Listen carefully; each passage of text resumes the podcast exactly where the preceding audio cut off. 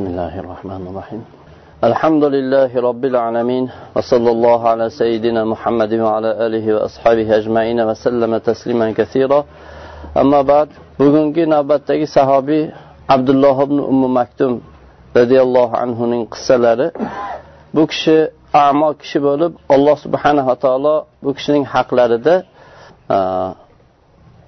tilovat qilinib va qiyomatgacha bu kecha kunduz bo'lib turar ekan tilovat qilinishda davom etiladigan o'n olti oyatni bu kishini haqlarida olloh nozil qilgan amo kishi ya'ni ko'zlari ojiz ko'r kishi.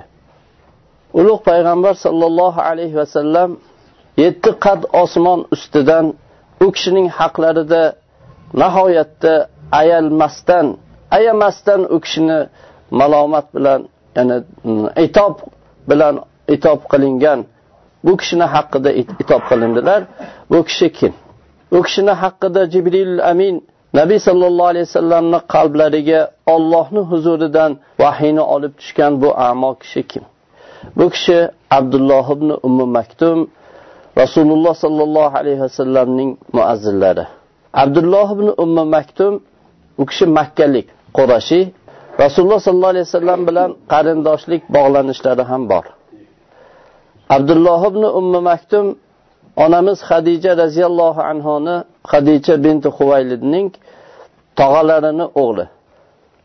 Ammo abdulloh ibn ummu maktumning otalari qays ibn zoida onalari otika binti abdulloh. Bu otikani ummu maktum deb chaqirildi. Ya'ni ojizning onasi ko'rning ko'r tug'ilganning onasidir. Chunki bu abdullohni ko'zlari ko'r holatda tuqqan edilar. Abdulloh ibn ummu maktum makkada ekanlar bu kishi bu nubuvvat nurining birinchi kelib chiqishligini guvohi bo'ldilar. Alloh subhanava taolo shu nurning avvalidayoq bu kishining qalblarini iymonga olloh ochdi va islomni avvalda qabul qilganlar sobiqillardan bo'ldilar. Abdulloh ibn ummu maktum makka holatida musulmonlar yashagan musulmonlar yashagan mashaqqat mehnatda u kishi ham yashadilar. Bu kishidagi fidoyiliklar sabot matonat o'zini ayamaslik nihoyatda ko'p bo'ldi. Quraysh ozorlaridan quraysh mushriklarining e, zulmlaridan bu kishining mo'min musulmon sheriklari e, tortgan ozorlarni zulmlarni boshdan kechirdilar. Va ularning g'azablaridan shafqatsizliklari berahmliklaridan butun musulmonlar tatigan narsani abdulloh ibn ummu maktum ham totdilar lekin bu kishi bunda irodasi susaymadi beli ya'ni e, zaif bo'lmadilar. U kishida hech qanday dinga bo'lgan bu qiziqishlik susaymadi u kishining iymonlari zaiflashmadi. Balki bu azoblar bu ozorlar bu imtihonlar abdulloh ibn ummi maktumga ollohni dinini mahkam ushlashlikni ollohni kitobiga bog'lanishlikni ollohni shariatini yaxshi tushunishlikni orttirar edi. Rasululloh sollallohu alayhi vasallamga intilishlarini rasul sollallohu alayhi vasallamga bog'lanishlarini ziyoda qilar edi. Abdulloh ibn ummi maktumni nabiy payg'ambar sollallohu alayhi vasallamga intilishlarini nihoyatda mubolag'a qilganlaridan va u kishi e, qur'onni yodlashlikka bu buyuk qur'onni yod olishlikka harisliklardan u kishi biror bir fursatni qoldirmasdan g'animat bilardilar. Biror bir imkoniyatni qo'ldan bermasdan shoshilardilar. Balki bu qur'onni o'rganishlikka dinda faqih bo'lishlikka u kishining nihoyatda qattiqliklari ba'zida e, mubolag'a ham bo'lib ketar edi. U kishi rasululloh sollallohu alayhi vasallamdan o'zlarini ulushlarini ham va boshqalarni o'lishlarini ham olar edilar. Rasululloh sollallohu alayhi vasallam bu davrda qurayshning ulug'lariga sayyidlariga ularni dinga kirishligiga qattiq bel bog'lab ularni islomga kirishiga qattiq haris edilar. Bir kun utbat ibn rabia uning ukasi shaybat ibn rabia amr ibn hishom ya'ni abu jahlki abu jahl deb kunyalangan amr ibn hishom umayyat ibn xalaf va sayfulloh xolid ibn validning otalari valid valid ibn mug'ira bular bular bilan rasululloh sollallohu alayhi vasallam uchrashib ular bilan suhbatlashib ularni da'vat qilib ularga islomni ko'rsatib da'vat qilar edilar. Va bular ijobat qilishini rasululloh sollallohu alayhi vasallam shuni tama qilardilar va agar bular ijobat qilsa ashoblardan ularning ozorlarini tiyadilar. Sahobalarga mo'minlarga tushayotgan ozorlar tiyiladi. Bir islomga izzat bo'ladi. Ular shunday bir sharafli kishilar bo'lganlardan bir islomni foydasiga bo'ladi deb shunga haris bo'lib rasululloh sollallohu alayhi vasallam ular bilan suhbatlashardilar. Shunday bo'lib turgan holatda abdulloh ibn ummu maktum ko'zlari ojiz u kishi ko'rmaydilar. U kishi kelib rasululloh sollallohu alayhi vasallamdan alloh subhanahu taoloni kitobini o'qitishlikni talab qildilar. Aytdilarki ya rasululloh allimni mimma allamakalloh olloh sizga ta'lim berib o'rgatgan narsani biz menga ta'lim bering dedilar. Rasululloh sollallohu alayhi vasallam abdulloh ibn ummu maktumdan yuzlarini o'girdilar. Ozgina rasul sollallohu alayhi vasallamni yuzlarida e, buni yoqtirmaslik bu e, yuzlarda yuzlarida zohir bo'ldi. Va bu qurayshning ulug'laridan yig'ilgan jamoa tarafga u kishidan burildilar. Ya'ni ularni islomga kirishlarini orzu qilib ularni islomlarida dinga Allohning diniga bir izzat bo'lishligini orzusida Allohning rasuli sallallohu alayhi vasallamni da'vatlarini bir qo'llab-quvvatlashlik umidida ular tarafga qaradilar.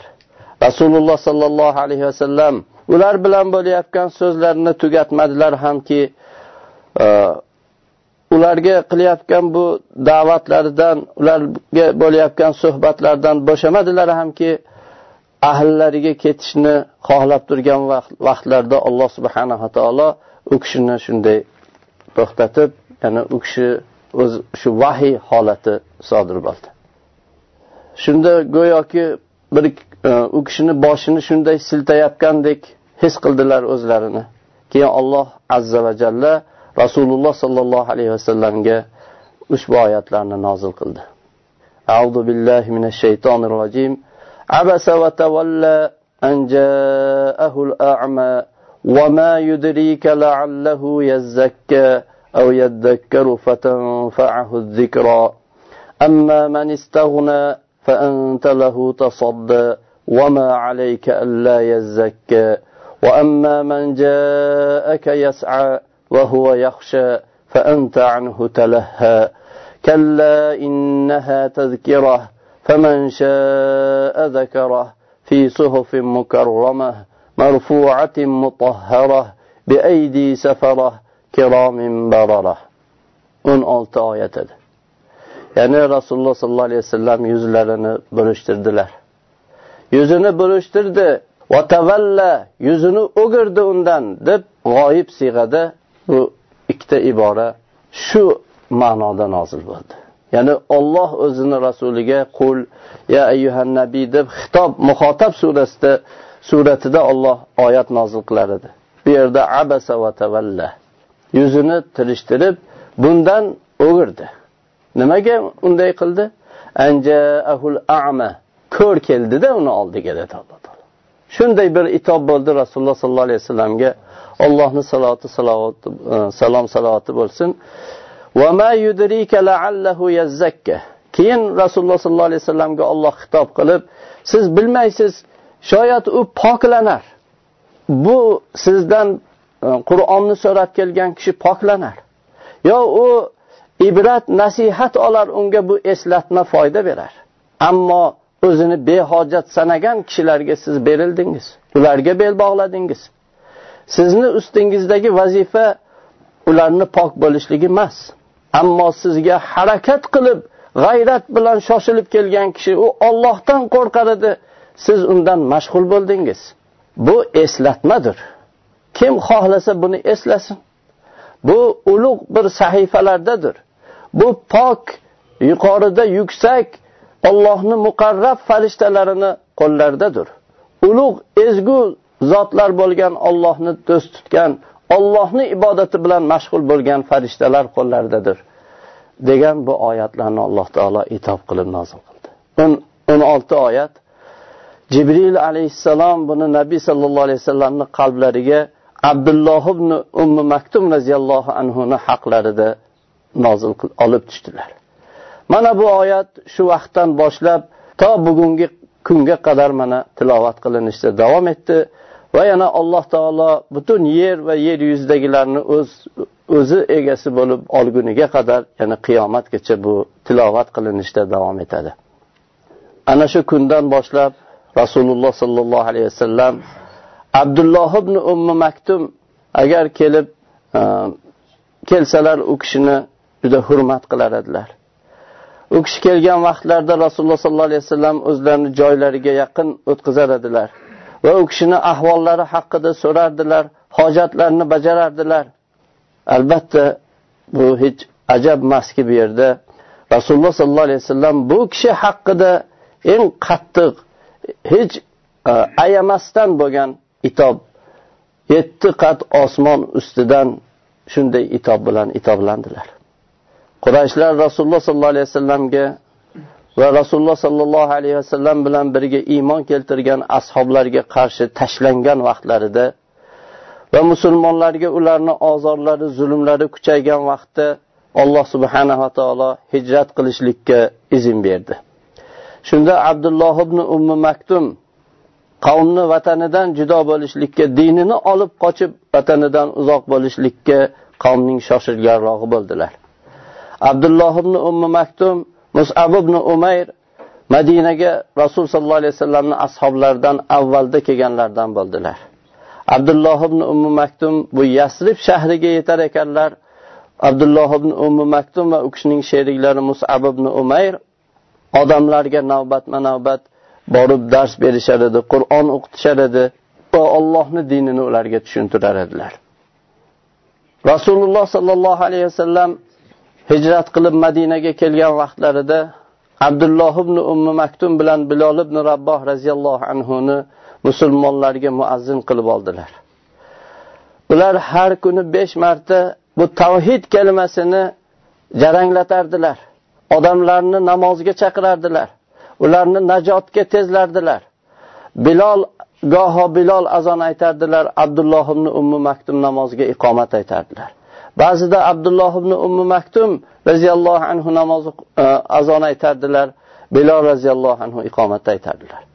Bilol bilan abdulloh ibn ummi maktumni ramazon oyida ularni alohida bir fazilatlari sharaflari bo'lar edi musulmonlar madinada bittalarini azonlari bilan saharlik qilardilar ikkinchilarini azonlari bilan saharlikni to'xtatardilar. Bilol kechasida azon aytib odamlarni uyg'otardilar abdulloh ibn ummu maktum yaxshi shu tongni qarab kuzatib xato qilmasdan bomdodga keyin u kishi tong otishi bilan e, azon aytardilar. Rasululloh sollallohu alayhi vasallamni abdulloh ibn ummu maktumni hurmat qilishlari shunday darajaga yetdiki madinaga madinada bo'lmagan vaqtlarida rasululloh sollallohu alayhi vasallam abdulloh ibn ummi maktumni o'n nechi marta ham madinaga xalifa qildilar. Shularni bittasi fath makkaga ketganlarida madinada xalifa madinaning amiri abdulloh ibn ummi maktum edilar imomi. Badr g'azotidan keyin alloh subhanava taolo o'zini payg'ambari sollallohu alayhi vasallamga mujohidlarning sharaflarini ularning fazilatlarini yuksakligini bayon qiladigan oyatlarni nozil qildi. Va bu mujohidlarni jihodga chiqmay o'tirganlardan ulug'liklarini bayon qiladigan oyatlar nozil bo'ldi jihodga mujohidlarni rag'batlarini oshirishlik uchun. Va jihodga chiqmay o'tiradiganlarni bu o'tirishdan uzoqlatishlik uchun. Bu abdulloh ibn ummi maktumni nafslariga ko'ngillariga qattiq ta'sir qildi. Va u kishiga bunday fazilatdan mahrum bo'lishlik juda og'ir bo'ldi. Shunda aytdilarki yo rasululloh agar men jihodga chiqishga qodir bo'lganimda jihod qilardim dedilar. Keyin alloh subhanava taolodan shunday iltijolik qalb bilan o'zlari va o'zlariga o'xshagan ularni shu jarohatlari kasalliklari jihoddan to'sadigan kishilar haqida oyat nozil qilishlikni allohdan so'radilar. Allohga iltijo qilib yolborib allohimma anzil uzri allohimma anzil anzil uzri. Yo alloh meni uzrimni o'zing nozil qilgin deb yig'lardilar. Alloh subhanava taolo abdulloh ibn ummi maktumni bu duolarini qanday tez ijobat qildi? Zayd ibn sobit roziyallohu anhu rasul sollallohu alayhi vasallamni vahiylarini yozib turadigan kotiblaridan. U kishi aytadilarki rasululloh sollallohu alayhi vasallamni yonlarida edim. rasululloh sollallohu alayhi vasallamga bir mm, shunday bir sakinat oromlik u kishini qamradi yetdi. Shunda sonlari meni sonimni ustiga tushib qoldi. Men rasul sollallohu alayhi vasallamni bu muborak sonlaridan og'irroq narsani hech topmaganman. Keyin u kishidan bu holat ketdi. Aytdilarki yozing ey zayd dedilar. La yastavil qoiduna minal mu'minina val mujahiduna fi sabilillah. Jihodga chiqmasdan o'tirgan mo'minlar bilan Alloh yo'lida jihod qilguvchilar hargiz barobar bo'lmaydilar degan oyatni yozing dedilar. Abdulloh ibn Umm Maktum shunda turib, "Ya Rasululloh, jihodga qodir bo'lmagan kishilar qanday bo'ladi?" dedilar. U kishini so'zlari tugab tugamas Rasululloh sollallohu alayhi vasallamga yana bir bor avvalgiga o'xshagan bir sokinlik sakinat yetdi. Shunda yana sonlari meni sonimni ustiga tushib qoldi. Avvalgi safarda topganga o'xshagan og'irlikni topdi. keyin bu holat u kishidan ketdida o'qiganingni e, yozganingni o'qi ezayt dedilar. Men o'qidim la yastavil qoiduna minal mu'minin. Bu yozganimni o'qigan edim. Aytdilarki yana yoz g'oyru uli zarar zarar egalaridan boshqalar. Zarar egalari bundan mustasno degan oyatni Alloh nozil qilgan edi. Yana Abdulloh ibn Ummu Maktum orzu qilgan bu istisnoni Alloh subhanahu va taolo nozil qilgan edi. Alloh subhanahu va taolo Abdulloh ibn Ummu Maktum va u kishiga o'xshaganlarni jihoddan bunday ularni ozod qilib, jihodni ulardan soqit qilib qo'yganligiga qaramasdan Abdulloh ibn Ummu Maktumning bunday intiluvchi nafslari, ko'ngillari jihodga chiqmay o'tirganlar bilan o'tirishlikka hech rozi bo'lmas edi. Va oxirida u kishi Alloh yo'lida jihodga chiqishlikka qasd qildilar. Chunki ulug' zotlar ulug' ishlargagina qanoat hosil qiladilar. Mana shu kundan boshlab u kishi biror jangdan qolmaslikka haris bo'ldilar va o'zlariga jang maydonida qiladigan vazifalarini ham o'zlari belgilab oldilar. U kishi aytardilarki, meni ikki saf o'rtasida turg'izib qo'yinglar, menga bayroqni ko'targizib qo'yinglar men bayroqni ko'tarib shuni saqlab turaman. Men ko'zlarim ko'r qochishlikka qodir bo'lmayman dedilar. Hijriy 14 sanada umar ibn xattob roziyallohu anhu forslar bilan jangga kirishlikni xohladilar. Bunda butun forslar davlatini ag'darib ularni mulkini ketkizib va musulmon askarlari oldida yo'lni ochib ana tavhid bayrog'ini tiklashlik uchun jangga kirishni xohladilar. Shunda butun atrofdagi o'zlarini omillariga voliylarga xat yozdilarki birorta quroli bor yo oti bor yo bir jangga yordami bor yo bir maslahati fikri bor bo'lgan kishilarni qoldirmanglar. Ularni tanlab olib menga jo'natinglar bunga shoshilinglar deb xat yozgan edilar. Shunda bu umar foruq roziyallohu anhuning chaqiriqlariga labbay deb musulmonlar jamoati madinaga quyilib har tarafdan nihoyatda katta jamoa yig'ilib kela boshladilar. Bu mujohidlar ichida ko'zlari ko'r abdulloh ibn ummi maktum ham bor edilar. Umar roziyallohu anhu bu katta askarga sad ibn abi vaqqosni amir qilib tayinladilar. Va u kishiga ko'p e, vasiyatlar qildilar. Va xayrlashdilar vidolashdilar. Askarlar qodisiyaga yetib borgan vaqtda abdulloh ibn ummu maktum sovutlarini jang kiyimlarini kiyib jang tayyorgarliklarini komil qilib chiqdilar va o'zlarini shu musulmonlar bayrog'ini ko'tarib shu bayroqni saqlashlikka u kishi chorlagan edilar. Yoki shu bayroq oldida shahid bo'lishlikka. Bu ikkita jamoat nihoyatda bir shafqatsiz qattiq bir uch kun ichida qattiq bir jangda to'qnashdi. Ikkala taraf ham tarix unga o'xshashini ko'rmagan fath tarixlari shohidi bo'lmagan qattiq urush bilan bir biriga jang qildi. Hatto uchinchi kuni musulmonlarni kuchlik bir g'alabalari bilan tugadi. Va eng katta buyuk imperiya bo'lgan davlatlarni biri quladi. Dunyoda taxti nihoyatda tomurlik bo'lgan taxt ketdi. Butparastlik majusiylik yerlarida tavhid bayrog'i yuksaldi. Mana bu katta g'alabaning qiymati yuzlarcha shahidlar bo'ldi.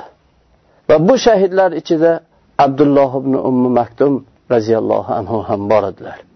U kishi musulmonlar bayrog'ini mahkam quchoqlab qonlariga belanib shahid bo'lib ya'ni jon taslim qilgan edilar. Alloh subhanava taolo u zotlarni rozi qilsin. Olloh ulardan rozi bo'lsin joylarini jannatda qilsin va ollohdan ular xohlagan maqsadlarini olloh ularga yaxshi bir mukofot qilib olloh bersin.